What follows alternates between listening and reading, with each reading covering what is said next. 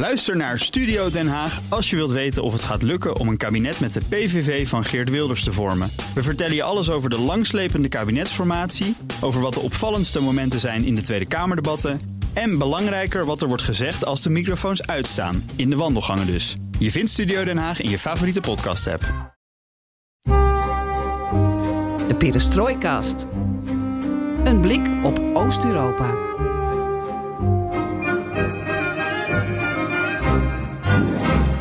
Welkom bij BNR Perestrooikast, aflevering 189 van de enige podcast van Nederland die volledig oog voor het oosten heeft en geeft. De volgende aflevering gaan we honderden meters onder de grond.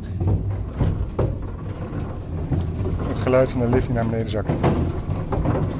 Deze aflevering gaan we de rivier op.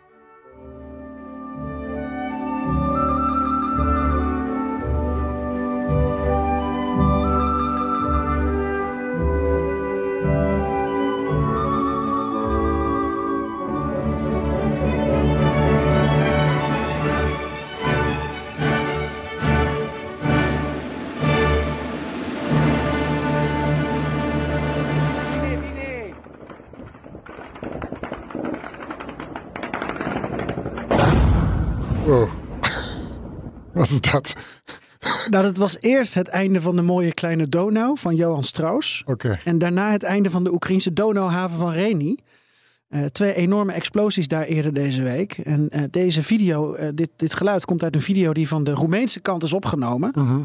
Want dat zit op 200 meter Mhm. daar vandaan. Ehm, en de dag voor die explosies had ik een interview met Matthias van Toeger. Havendirecteur van de Moldavische haven van Giurgiulest. Ja, ik ga gelijk op de inhoud door. Ik bedoel, die, Ja, die, die ja. Strauss, die wals, die konden wel een keer terug. Mhm. Ehm, maar Matthias van Toegen is een, een Duitse havendirecteur dus. Van een Moldavische haven. En die haven die zit op het drielandenpunt van Moldavië, Roemenië en Oekraïne. Dus pak de kaart erbij. Je hebt Donauhavens in, aan de Oekraïnse kant. Mhm. Reni en Ismail. Je hebt een Moldavische haven. En dan heb je Roemenië. Met de havens ehm Braia bijvoorbeeld. En eh, nou, dan kom ik niet op, eh, op die andere. da- Daar gaan we het zo over hebben. En ehm eh, Galats, dat is de grote. Mhm. En we hebben gesproken over hoe het momenteel is in die Donaudelta. Dat lijkt me nou een mooi perestrooikast onderwerp. Met alles wat er Nou, nu op de Zwarte Zee gebeurt. Mhm. Maar ook in dat Donaugebied. Want ook dat gebied wordt nu door Rusland onder vuur genomen. Ehm, en niet onbelangrijk wat ik al zei. 200 meter op afstand dus van Roemenië. Wat gewoon NAVO-gebied is. Ja. Russland hat den ukrainischen Donauhafen Reni angegriffen, nur wenige hundert Meter entfernt von Rumänien, das auf der anderen Seite der Donau liegt. Forțele aeriene ucrainene au anunțat că mai multe drone rusești s-au îndreptat în această dimineață spre porturile Ismail și Reni în apropiere de granița cu România. Now, from a military perspective, there's no reason for Russia to target that. It's purely trying to damage grain. Dan zoek je toch wel de grenzen op en ga je mogelijk zelfs de grenzen over als je zo dicht bij het NAVO-grondgebied bent. They're weaponizing grain.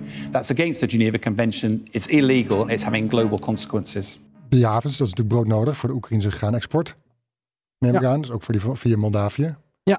Ehm, en als dan zie je die aanvallen gebeuren. Wat, wat, wat, hoe, hoe, zie- wat betekent dat voor, de, voor die, a- wat betekent dat eigenlijk voor de export van graan, Oekraïns graan? En Nou, heel kort, want we gaan er zo natuurlijk langer over doorpraten. Want het is een hele goede vraag. Maar heel kort, die Donauhavens, die hebben een enorme overslagfunctie gekregen. Mhm.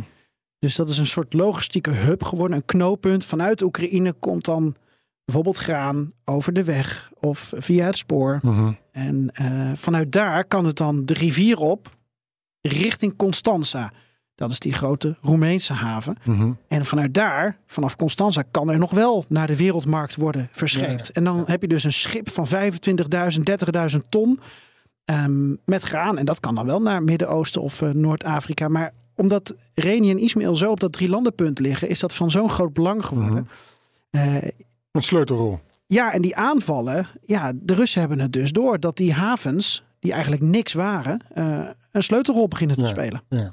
Zo dadelijk meer daarover dus. Ehm, want alles in de perestrooikast, of nou onder een mijn is of vanaf een rivier, ehm, maar als maar ten oosten is van de rivier de Elbe, kan de komende weken, maanden, jaren besproken worden. En inderdaad, dus ook de Donau. Als Europees marktleider op het gebied van internationale arbeidsmigratie bemiddelt Otto Workforce in de werkgelegenheid over de grenzen. Zowel binnen Centraal- en Oost-Europa als naar landen in West-Europa. Daarin ligt de focus op de motieven en ambities van de medewerkers. De visie van Otto Workforce is dat circulaire arbeidsmigratie de toekomst heeft.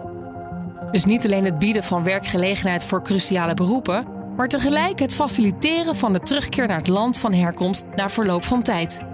En dit alles goed gereguleerd. Meer weten? Kijk op www.ottoworkforce.com. En wat leuk is, is dat we heel sociaal-democratisch zijn. Abonneer op ons, zodat je geen aflevering hoeft te missen. BNR Perestrooikast. Zoek ons op in je favoriete podcast-app. Ik ben Floris Akkerman. Mijn naam is Geert-Jan Haan. En dit is BNR Perestrooikast.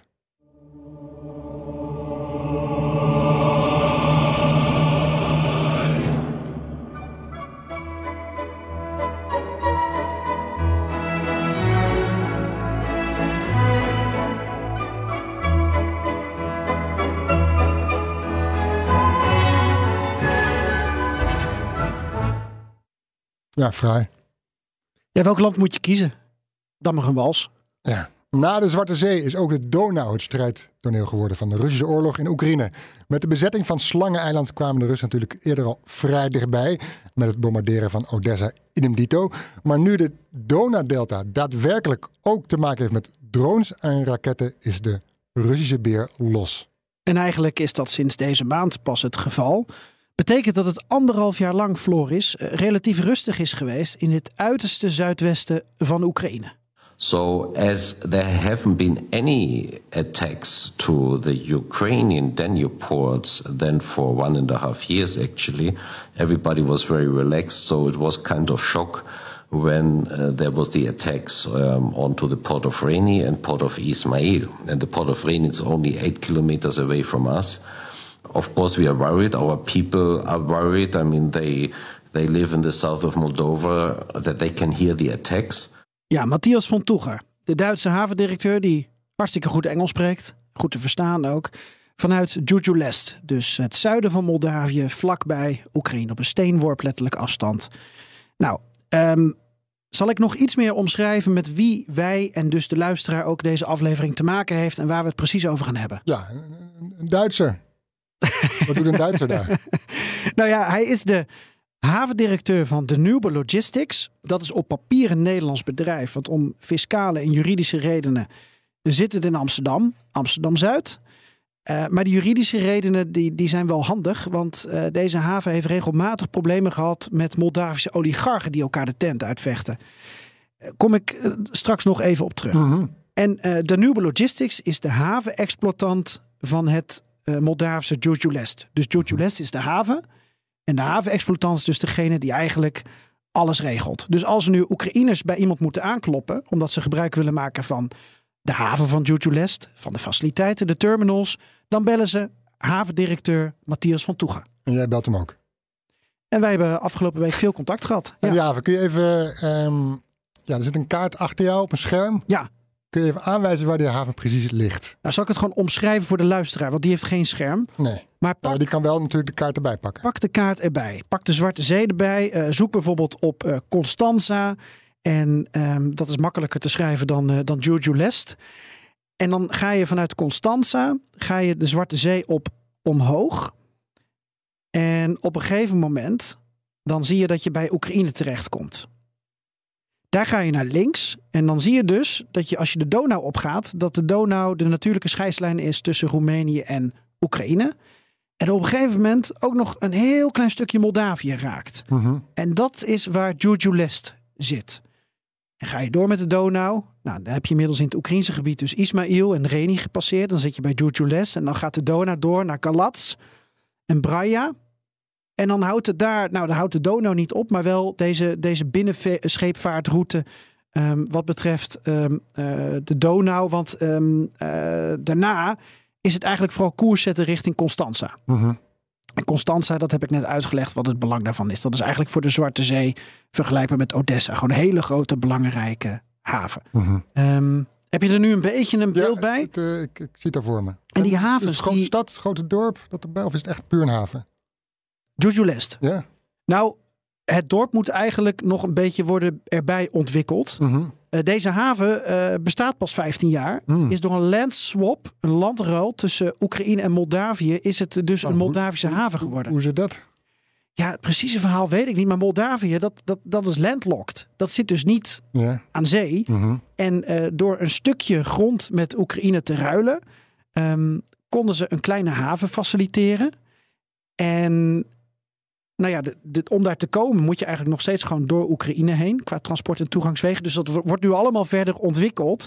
Maar dat gaat natuurlijk in, in sneltreinvaart Mhm. door die eh, oorlog, door het bombarderen van die havens, onder meer van Reni. En ehm, nou ja, ook de Europese Unie probeert met Oekraïne samen te werken om de doorvoer van graan en de export dus te faciliteren. Dat heet de solidarity lanes. Daar is eigenlijk geen goed Nederlands woord voor. Mhm. Solidariteitslijnen. Want dat graan dat zoekt een weg uit Oekraïne. En je merkt dus al dat een deel van onze perestrojkas-regio daar gewoon bij is betrokken. Het is een heel interessant drielandenpunt. Ja, maar een deel zit ook dwars.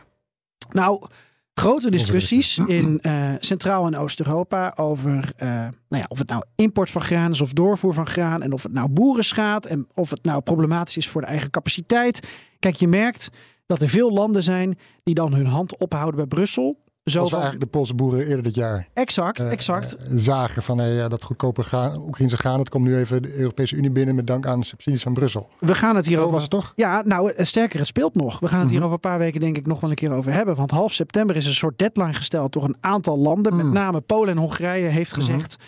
Ja, we kunnen op deze manier niet door met die samenwerking met Oekraïne. Het schaadt onze boeren. Ja. In het geval van Polen is dat wel iets meer waar dan Hongarije.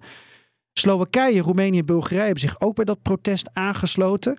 Ehm, maar je merkt dus dat sommige landen, nou ja, ehm, steun bieden aan Oekraïne. Roemenië doet dat dus wel. Eh, maar anderen gooien heel erg de kont tegen de krip. En dan heb je ook nog, dat heb je misschien meegekregen, dat eh, Litouwen en Letland hebben gezegd: Nou, wij kunnen ook onze havens verder eh, doorontwikkelen. En Ja. dan kunnen wij ook transporteren voor Ja. de wereldmarkt dat Oekraïnse graan. Kroatië heeft zich ook al gemeld. Ja. Zelfs Rotterdam wordt over gesproken. Dus ehm, het is een groot onderwerp. Ja. Maar ik merk, merk, merk wel van, eh, ja, hulp is leuk.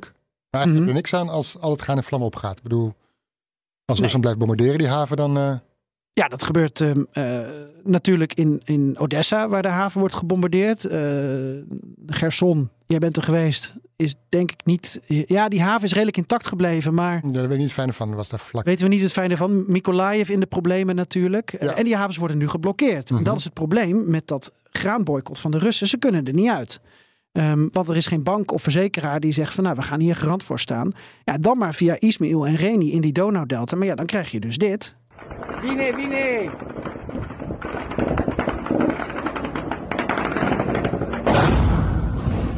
En dan gaan er dus tonnen aan agrarische producten in vlammen op. Maar nog schadelijke infrastructuur voor de toekomst. Ja. Warenhuizen. En, en Von Toeger, eh, deze Moldavische havendirecteur, die denkt ook dat er eh, olieopslagen zijn geraakt. Anders kan je niet zulke explosies krijgen.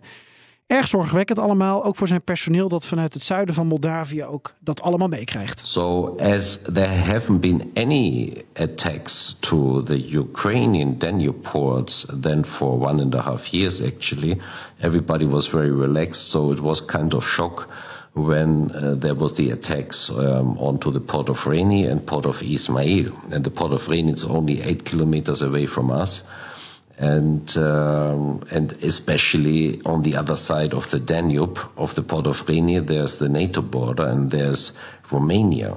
And um, so, uh, of course, we are worried. Our people are worried. I mean, they they live in the south of Moldova that they can hear the attacks. Um, so there there is some some worry um, but uh, not directly. In the end, we don't believe uh, that Russia would attack like our terminal because, first of all, we are comparably small. You know, we are uh, not, uh, I mean, not as important as the Ukrainian Danube ports. So why immediately he should attack us? You know, so um, but of course there is a um, higher risk exposure. I mean, uh, that's absolutely clear. And um, second, we are also in in terms of the geographical location. We are on the one hand we have this land border to Ukraine. Um, directly to our port. On the other side of the Danube, opposite of our terminals, is a Romanian island, and uh, and then there's the Prut River. On the other side is Romania. So we are very very close um, to the Romanian and to the NATO border. So. Um, you know, uh, it's, it's very sensitive. En wat als er een aanval op deze Moldavische haven komt? Ik bedoel, Moldavië staat er alleen voor, geen EU-lid, geen NAVO-lid. Ja, goede vraag. Ingewikkeld te beantwoorden. Want uh, deze haven is eigenlijk dan weer. Nee, ik moet het goed zeggen. We, we kennen de EBRD, Europese Ontwikkelingsbank. We hebben vorig jaar Casper uh, Veldkamp ja. gesproken, die daar werkt. En um, de EBRD is uh, de eigenaar van de havenexploitant in deze haven. Dus de eigenaar van de Danube Logistics. De EBRD is de baas van Matthias van Toeger. Dat hebben ze gedaan, die haven gekocht en die terminal met name moet ik zeggen, om het investeringsklimaat van Moldavië te beschermen. Oligarchen die vechten elkaar daar al jaren de tent uit. Dat was voor niemand goed. Mm -hmm. En omdat die uh, havenexploitant um, juridisch dus ook nog eens gevestigd is aan de Amsterdamse Zuidas, werden er rechtszaken gevoerd en in Nederland en in Moldavië met verschillende uitkomsten. Want als je het in Moldavië zou doen, dan kun je, kun je, kun je, kun je er de vergif op innemen dat die oligarchen die rechtszaken winnen. Wat is het, uh, het symbool voor steekpenningen? Die zijn daar wel, uh, ja. wel ingezet. Maar goed, um, de haven staat in Moldavië, Floris, want dat was je vraag. En de EBRD beschikt volgens mij niet over een leger. Dat weet ik niet. maar Moldavië eigenlijk ook niet. Nee, dus dan nee. springt Oekraïne bij. Nee, dat is, dat is een fair point. Um, dit is wat Von Toeger er dus van verwacht, mocht het zover komen. We have an host investment agreement where the, with, with the government of Moldova, where it's clearly stated that the government of Moldova is responsible um, to protect us um, in, in all aspects of um, security. So um, what what this would mean in practice, uh, that's uh, that's a big question, you know, because I mean, I, I am not an expert on Moldovan defense. And um, I mean, everybody knows that the Moldovan um, defense is not very, very strong. Even samenvatten. Dit verhaal gaat over de spanning in de Donau-delta. Over de alternatieve routes voor Oekraïns gaan. Maar ook over de ontwikkeling van deze havens aan de Donau. Want die hebben natuurlijk door die oorlog een enorme boost gekregen. Ja, en die zijn eigenlijk door Oekraïne jarenlang verwaarloosd. Mhm. Want als je zwarte zeehavens hebt, Ja. Nogmaals, uh, Mykolaiv, Odessa, Chornomorsk, ehm eh, Gerson. Berjansk, Mariupol. Ja, dat is dan Zee van Azov. Maar Ja, uiteindelijk is ja. dat wel eh, voor, eh, voor de Zwarte Zee bedoeld. Mhm. Ja, wat moet je dan met die kleine pukkeltjes? Nee. En daar denken ze nu wel anders over. Maar ook die Moldavische haven van Giurgiules, die staat ineens op de kaart. En, en die havendirecteur, ehm, kwam je elkaar tegen in Rotterdam? In Nee. de haven? Nee, ik, ik geloof dat ik recenter in Moldavië ben geweest dan in Rotterdam. Eh, en ik heb daar toen veel mensen gesproken, veel verhalen gemaakt. Een deel daarvan eh, komt later dit jaar ook nog eh, online. Ik was simpelweg op zoek naar wat meer informatie over die haven. Want die land swap, die landruil, die intrigeerde mij. Ja, maar dat, dat, dat, snap ik nog niet helemaal goed. Dan, Oekraïne heeft een soort van haven afgestaan, maar dat is een ruil. Dus Nee, die haven was er nog niet. Die is daarna ontwikkeld. Oekraïne heeft de de grond afgestaan. Ja, grond afgestaan. Maar wat kreeg Oekraïne voor terug?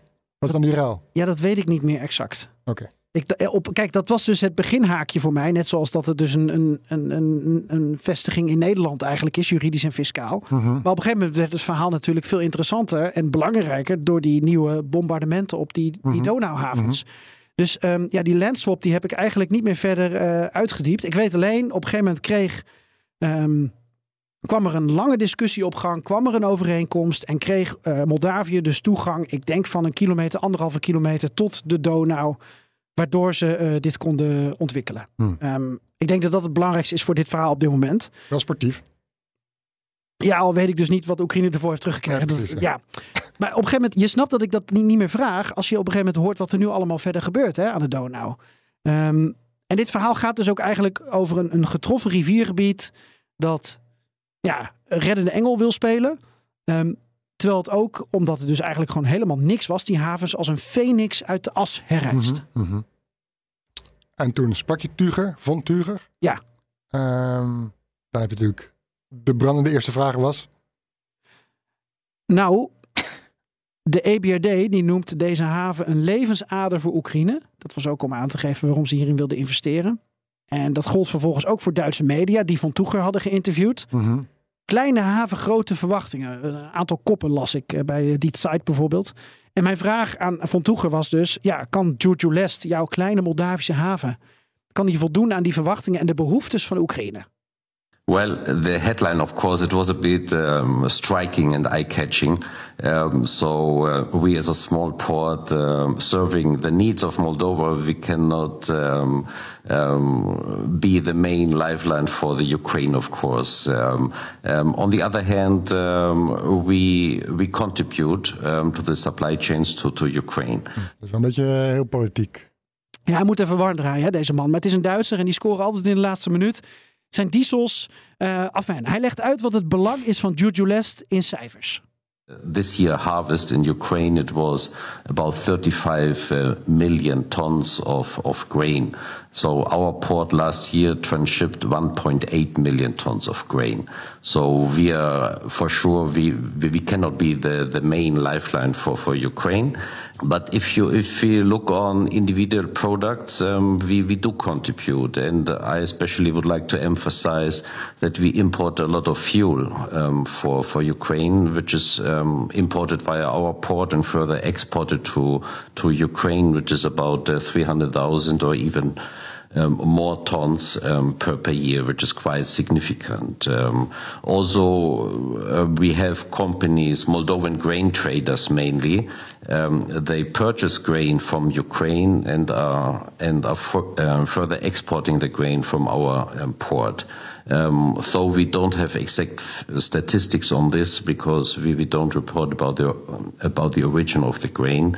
Um, but I do know that our grain traders in Moldova they they they especially last year they purchased uh, significant um, quantities and the third product um, which is also relevant for Ukraine um, is sunflower oil so there are huge quantities of sunflower oil exported from Ukraine uh, traditionally.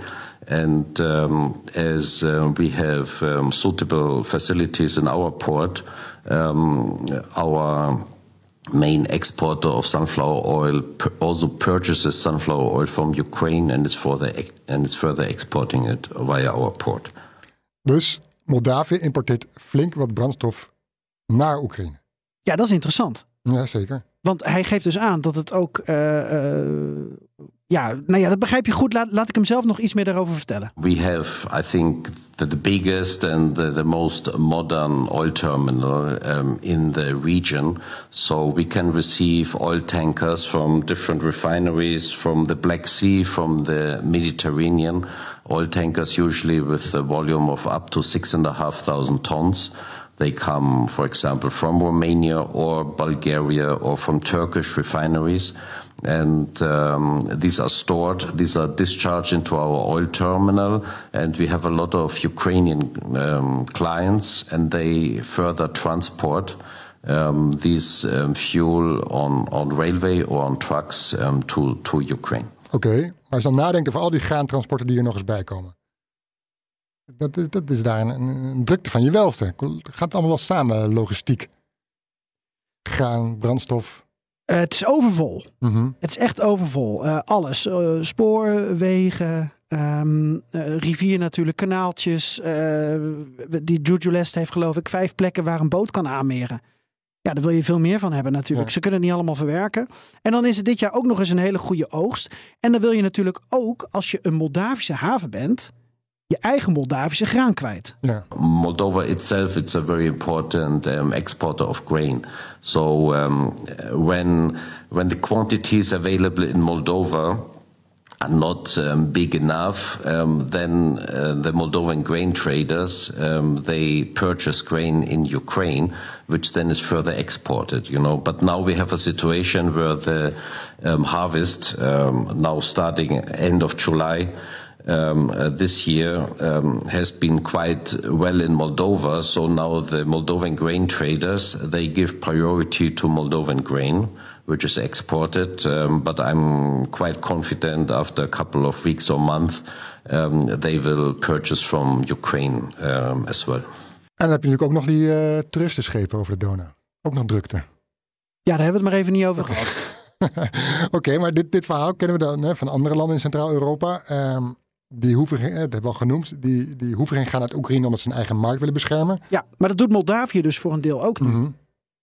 Ook al stellen ze zich iets constructiever op. Kijk, er valt er wel wat voor te zeggen, hè, waar we het over hadden. Voor, voor sommige landen, al is de ene opstelling dus de andere niet.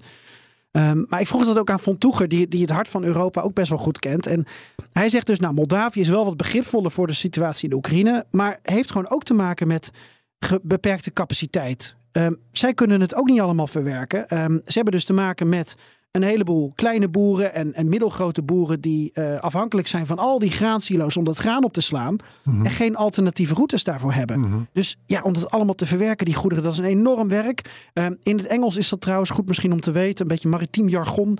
Uh, transshipment volumes. En daar heeft Von Toeg dan ook over. There are some protests here in Moldova um, from Moldovan farmers. Um, they, are, they don't go as far as the Central Eastern European countries here. Um, they they have some understanding for, for the needs of um, um, Ukraine. Uh, what they require is access to um, transshipment facilities with, with enough quantity. But um, actually, it's a question on the point in the moment. Um, it's a very political question, but it doesn't reflect uh, the reality of the business. So many small and medium-sized farmers in Moldova um, submit these kind of complaints to the government, um, but they forget about the logistics uh, about the logistics requirements. And when you operate a port, you have a certain size of the vessels. So all the cargo to load onto a vessel need to be in the port stored, because otherwise you you would um, need too much time in the berth and you would block other vessels. And um, so the issue here is rather that these small and medium-sized farmers they cannot export directly because the, the quantities, the lots are just not big enough. So they have to find a way how to cooperate and to establish grain storage facilities, for example, in the port, and then they can do this. So this is um, a political and, and, a rather emotional discussion, which in terms of the facts, um, you know, it passes the reality a little bit of the, of the farmers' needs. Even, we hebben nu een kleine, relatief kleine Moldavische haven aan de Donau. Um, hoe groot zijn die havens überhaupt in het Donaugebied? Grootte van Antwerpen, Hamburg, Bremen, Rotterdam, nou, je kunt zulke zeehavens niet vergelijken met rivierhavens. Mm de beste vergelijking die ik heb kunnen maken, en dit heb ik dus bij iemand gecheckt die ook in een haven werkt. En die zegt: ja, vergelijkingen gaan altijd mank. Maar op deze manier kan je het een soort van omschrijven. Dus daar komt die Floris. Uh, in dit gebied van, ik denk, zo'n 200 kilometer lang, die Donau, waar die binnenhavens staan, waar we het mhm. over hebben. Um, die havens zijn in principe niet groter dan de haven van Moerdijk. Dat is de vierde zeehaven van Nederland. Maar eigenlijk is dat ook een soort van uh, rivierhaven. Mhm. Ehm, en dan kan je bijvoorbeeld kijken naar hoeveel overslag er is. Dus 18,5 mhm. miljoen ton cargo per jaar wordt er in Moerdijk verwerkt. Nou, dat is cargo dus, gewoon vracht. Ja, en dat is dus niks vergeleken met, met Rotterdam. En ook mhm. niks vergeleken met Odessa en Constanza. Um, maar we hebben het wel over havens die enorm aan belang hebben toegenomen. Omdat Oekraïne zoekt naar een uitweg voor dat graan. Ja. En dan heb je het ook nog eens over havens die tot voor kort verwaarloosd waren. Nou, dat heb ik nu een paar keer gezegd. Dus laat ik nu maar het verhaal erachter vertellen, Floris. Um, die havens hebben dus een, een bizarre groei meegemaakt. De haven van Ismail is verdubbeld naar 9 miljoen ton in 2022. Maar Steven dit jaar af op 18 miljoen ton. Heeft in mhm. het eerste half jaar van dit jaar die 9 miljoen ton alweer bereikt. Um, het enige is, we weten niet wat de bombardementen precies doen met het, het volume. Wat is er nou precies geraakt en uh, hoeveel vertraging loopt dat allemaal op? Um, Reni is vervijfvoudigd. En oké, daar komt hij dan. Nogmaals, Floris, het waren dus haventjes van helemaal niks. So the port of Reni historically was also the, the main port for, for Moldova uh, during the period of um, Soviet Union until our port um, uh, was established. Our port is relatively young. Um, it started operation in 2000 seven. So it came that in the year before the war started, um, until end of 2021, the port of Reni had a transshipment volume of less than 1.4 million tons, and even our port in Moldova, the uh, much smaller port in the dimensions, we had more than 1.4 million tons. And then you see how the war changed the whole supply chain because the port of Reni increased in transshipment volume from 1.4 to 6.8 so five times higher. And it was possible only because they already had the historical infrastructure. It was in a bad shape, but they had all the key walls. They have all these um, storage facilities. Um, they have a lot of equipment and old cranes, and they were able to refurbish and to modernize it and to make it usable then for this big amount for, for this big wave of grain um, coming in so in georgia lest it it was not possible because um, starting with that Moldova only has 500 meter access to the maritime section of the Danube River, and plus we use another 800 meters at the tributary Prut. So we have a total water sh shoreline of uh, 1,300 meters. We have currently five moving um, places for, for vessels, and um, uh, we could, in theory, have two more keys, um, but that's it. So, so physically, um, we are, we are limited, and um, our construction was purely designed for the needs of the Moldovan market. And you cannot build a completely new proper terminal within a period of a um, um, few months. So that's a big difference. So Ismail and um, Reni, they really benefit, uh, benefited, and fortunately, um, from, from the old um, structures. Maar goed, als Oekraïners het niet aantrekkelijk vinden om zaken te doen met Roemeense donauhavens. Ja. Omdat er sowieso al te weinig capaciteit is en ze dan dus maar weinig kunnen exporteren. Mhm. Dan zou ik zeggen, doe grotere zaken met die Roemeense havens door te investeren in meer en grotere faciliteiten. Of Ja, ben ik gek? je hebt er verstand van zo te horen. Ja, weet je. En eh, er komen dus bij Matthias van Toeger eh, ook Oekraïners over de vloer. Mhm. Deze week nog het Oekraïense ministerie van Landbouw.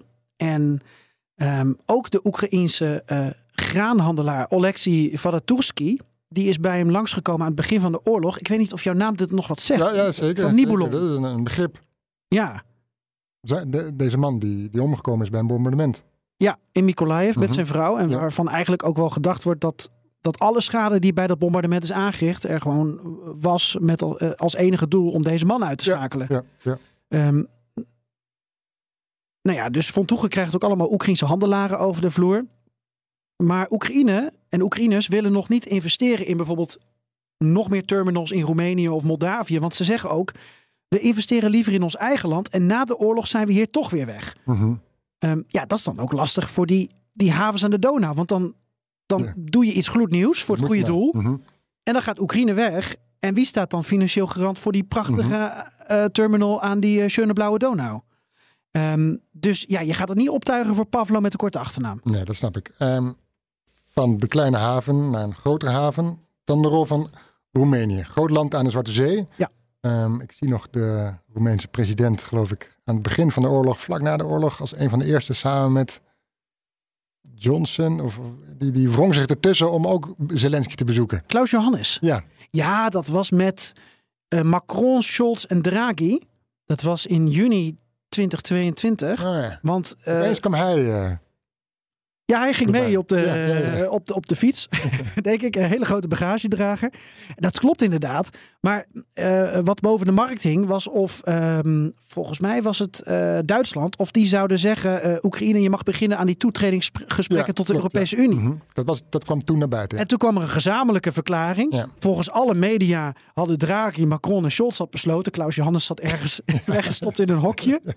Maar die was er wel akkoord volgens mij. En toen moest Nederland uiteindelijk, want je wilde niet zeg maar als zondebok overblijven, moesten wij ook wel toegeven van oké, we laten Oekraïne die toetre- toetredingsgesprekken starten. Dat was inderdaad Klaus Johannes. Ehm, goed, die haven van Constanza. Ik dacht het is een perestrooikast. Roemenië valt in ons gebied. We hebben het daar veel te weinig over. Toch even uitdiepen. En laat dat nou precies de link zijn met wat ik wil zeggen. Er wordt nagedacht over het uitdiepen van de toegang tot de Zwarte Zee. Ehm, of tot de Donau. Het ligt eraan aan welke kant je het Mhm. kijkt. Hè. Dus de, de monding, ehm, die moet dieper worden van 7 meter naar 11 of 12 meter. Kun je veel grotere schepen ontvangen. Ehm, dat kan dus helpen hè, als je de bedrijvigheid wil opvoeren. Mhm. Maar kijk, eh, de rol van Constance, ik heb het net al even kort omschreven, is natuurlijk sowieso al enorm toegenomen sinds Mykolaiv, Gerson, Odessa, Chernomorsk, ehm Berdjansk en Mariupol die zijn gejat. Sinds die plekken allemaal in de problemen zijn. Quote 7. En dat brengt ons dan dus bij dat uitdiepen van de toegang tot de Zwarte Zee. Waarom is dat zo belangrijk? Nou, Matthias van Toeger die legt dat uit. Really, what is important for Ukraine in Romania, for example, is the port of Constanza. Um, so the so the exporters of, of, of, grain from Ukraine they have in principle two two big options. Um, they go to a Ukrainian Danube port, and then they can ship the grain on maritime vessels, let's say with a volume of volume capacity of up to ten thousand tons, and they send the grain directly to destinations, for example, North Africa, Egypt, uh, Near East, uh, Middle East.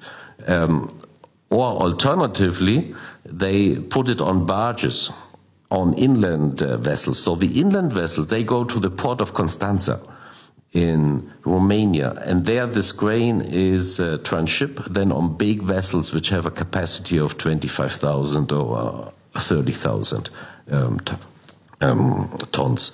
So, so there are these two ways, and the alternative to transship um, Ukrainian grain via uh, via the Moldovan port or via the Romanian Danube ports, it's it's um, not so attractive as third option. Um, it, that also depends on the on the market prices um, because you have additional logistics costs. So that's why for the grain traders, for the, even for the Ukrainian grain traders, um, it doesn't make a lot of sense to put their big volumes. Duidelijk. Um, we hebben ons nu een half uur, denk ik, pak een beet in het gebied in deze Donau-delta verdiept. En wat mij blijft hangen, bij mij, ja. is dat de gunfactor toch wat tegenvalt. Als het moment, moment suprem, als toch de nood hoog is of als het eigen, de eigen boeren toch worden benadeeld, uh, uh, dan, dan ja, gaat onze steun maar tot op zekere hoogte, of bepaalde steun van bepaalde landen. Maar het is dus eigenlijk ook vice versa. Mm Want Oekraïne wil dus ook niet zeggen: oké, wij willen nu um, van jullie gebied, havengebied gebruik maken. En dan blijven we dat de komende jaren ook doen. Dus wat jullie nu optuigen, goed, dan zullen we ook de komende jaren gebruik maken van jullie terminal bijvoorbeeld. Ja, maar als je ziet, eh, buurlanden steunen, Polen, misschien wel de, een van de grootste met uh, steun voor Oekraïne, allerlei, om allerlei redenen, vluchtelingen opgenomen, logistiek, militair hub voor alles, wat alles wat Oekraïne binnenkomt. Maar als een puntje paaltje komt, zijn er toch fricties, ook oh, deze landen. Ja, ik, ik las een artikel, een interview met iemand van Met Invest. Mhm. Dat ken jij, hè, dat bedrijf. Dat is van uh, meneer Ahmedov. Mm En die zei: uh, Ja, wij kunnen helemaal niks met dat Polen. Uh, als wij als Oekraïne daar spullen naartoe willen transporteren, al hun opslagcapaciteit zit vol. Mm Ze hebben nog nauwelijks kunnen meeprofiteren van, van het graantransport. Um, wat is vrijgekomen op de Europese markt. Ze hadden ook kunnen verdienen aan doorvervoer. Mm um, maar deze man van Metinvest, die zegt van ja. Polen uh, slaat steenkool op. Komen we in de volgende aflevering op te spreken uh, over steenkool. En um, ja, dan kunnen wij in de winter daar niet met ons graan terecht. Dus, uh, en historisch is het ook beladen, Floris. Nou, Polen, Oekraïne weten we een beetje. Maar kijk even naar dit Donaugebied. Roemenië is EU en NAVO, maar geen Schengen. Oekraïne is een land in oorlog. Moldavië hangt er tussenin. Um, ze kunnen niet altijd even goed met elkaar, maar nu niet zonder elkaar. Ja. Um, ik denk dat Van Toegeren dat wel goed uitlegt als ik hem vraag hoe hij eigenlijk nu, ja, hoe zijn relatie op dit moment is met zijn collega's, de andere havendirecteuren. To be quite honest, the relation between the ports in the region traditionally are characterized rather by competition and less by cooperation, to, to be quite honest, you know. Um, but of course it changed. Um, I, I know um, um board members of the Ukrainian Seaport Authority um, quite well. They helped us with certain repairs in our um, ports. So we are very close to Ukrainian companies which are located in Reni or in Ismail which provide service to us for, for dredging, for repairs. So on the operational level, it's um, quite quite um, fine. And but here, with regard to the coordination, so it is very very important the initiative of the European Commission here in this regard. I mean. Um, immediately after the war, they set up this initiative, this EU Ukraine Solidarity Lanes initiative, and um, the European Commission is the one who really coordinates the interests of the different ports and the, about the different logistic providers in the region, and the, the railways, uh, customs, administrative procedures, and um, that there is some success in simplifying procedures between the different countries and like uh, let's say improving the logistics flow between the countries this is purely due to the very engaged um, people of the European Commission who, who really try to um, abolish bottlenecks here. Weet je wat ik denk, Geert-Jan? En wat denk jij dan, Floris? Tijd voor een graandeal. Tijd voor vrede. Nou, Ja. vrede. eh, wel het land terug naar Oekraïne natuurlijk. Laten Op de Oekraïnse voorwaarden. Precies, ja. Ja, het zou ehm, eh, voor de Donauhavens wel weer interessant zijn. Want dan worden ze weer in zo'n verdomhoekje geplaatst. Ehm, Want nu doen ze ertoe. Maar inderdaad, eh Von Toeger zegt ook, want ik vroeg het hem, ehm, als binnenkort Poetin op bezoek gaat bij Erdogan of andersom. Ja, hoe belangrijk is die graandeal? I think it's extremely important. Um, the current situation, it's um, very bad. We even had, um, you, you didn't mention it, but uh, um, maybe you, you didn't see it in the news. Um, uh, Russians even uh, like attacked or threatened a commercial vessel um, which was um, sailing uh, Black Sea, wanted to go up the, the, the Danube River. Reports suggest that a Russian warship has uh, attacked a civilian vessel in the Black Sea by opening fire using a automatic machine gun and also involving a military helicopter. Now this is the first time such an incident has occurred in the Black Sea. The ship was allegedly, but Russians claim, going to the port of Izmail, which is a Ukrainian port, and the Russians will have been concerned about it exporting grain. But actually, the records show that this ship was actually heading to a port in Romania. Regardless, this is the first time a civilian vessel has been fired upon in the Black Sea, which marks a marked escalation in this conflict. So the whole situation in the moment, it's somehow um, it's business as usual. They all continue, but um, there's uh, uh, there's an uncertainty, and um, so I mean, which, of course, everybody favors that uh, the situation goes back to to, to normal. I mean, um, all the traffic in the Danube, it's everything. It's overloaded. Um, the waiting areas are overloaded. Of course, uh, I mean, uh, for everybody on the Danube is also additional business. Um, you know, so we also benefit um, from it. But like with the um, with the dimensions of our port, you know, we are not. Um, our capacities are not suited for the additional business with with Ukraine. We do it. We do as much as we can. We we benefit from it, um, but we, we know it will not be for forever. Of course, you know. So. And uh, we, we had talks with Ukrainian companies, um, by the way, and offered them to invest into further transshipment facilities in our port. Um, but uh, so far, they have not decided to do this. They rather decided to invest further in the Ukrainian Danube ports um, because also they believe uh, it will not be unlimited in in um, timing, you know, and so so in the long term. Uh, we have to do our investments um, based on the calculations uh, what we have to do for Moldova. You know, we would not rely on on.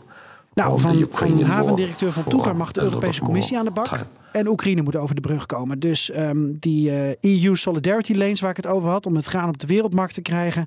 Ja, de Europese Commissie moet echt ehm, gaan helpen met nog meer procedures versnellen aan de grens. Want er staan enorme files met alle vormen van transport die we hebben benoemd. Ehm, administratie en bureaucratie moeten nog meer uit. En de Europese Commissie moet ehm, ja, misschien wel helpen met capaciteit van die logistiek vergroten. Dan het Oekraïnse graan. Dat moet dus naar de Roemeense haven van Constanza eh, via de binnenvaart. Ehm, dat weet Oekraïne ook. Eh, van Toeger die krijgt, zoals ik al zei, dus allerlei mensen op bezoek.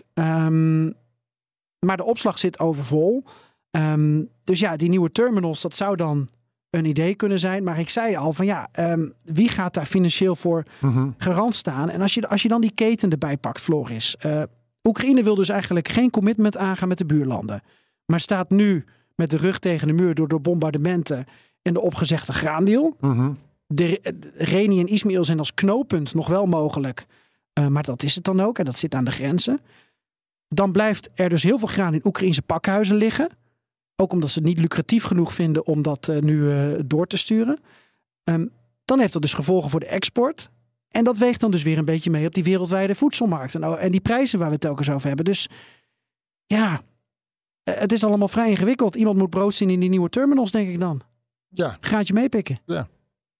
En de Russen hebben dus donders goed door dat als zij Oekraïne economisch willen verzwakken, Mhm. Dat ze dat niet alleen doen door die eh, havens van, eh, van Odessa en Chornomorsk en noem maar op te blokkeren.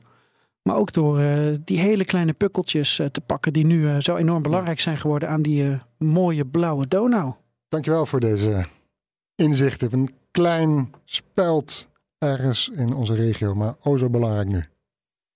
Motsemesk. Zoiets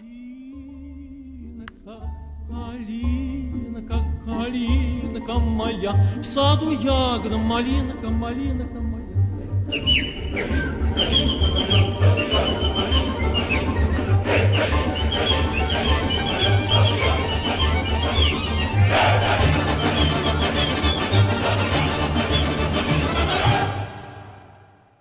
Pakka. Nou je toe. En geen mop dus. Volgende keer weer. Ja, hopelijk. Ook Diana Matroos vind je in de BNR-app. Ja, inderdaad. Je kunt live naar mij luisteren tijdens de Big Five. Ook handig in de BNR-app. Breaking nieuwsmeldingen, maar ook het allerlaatste zakelijke nieuws. En je vindt in de app alle BNR-podcasts, waaronder Wetenschap Vandaag. Download nu de gratis BNR-app en blijf scherp.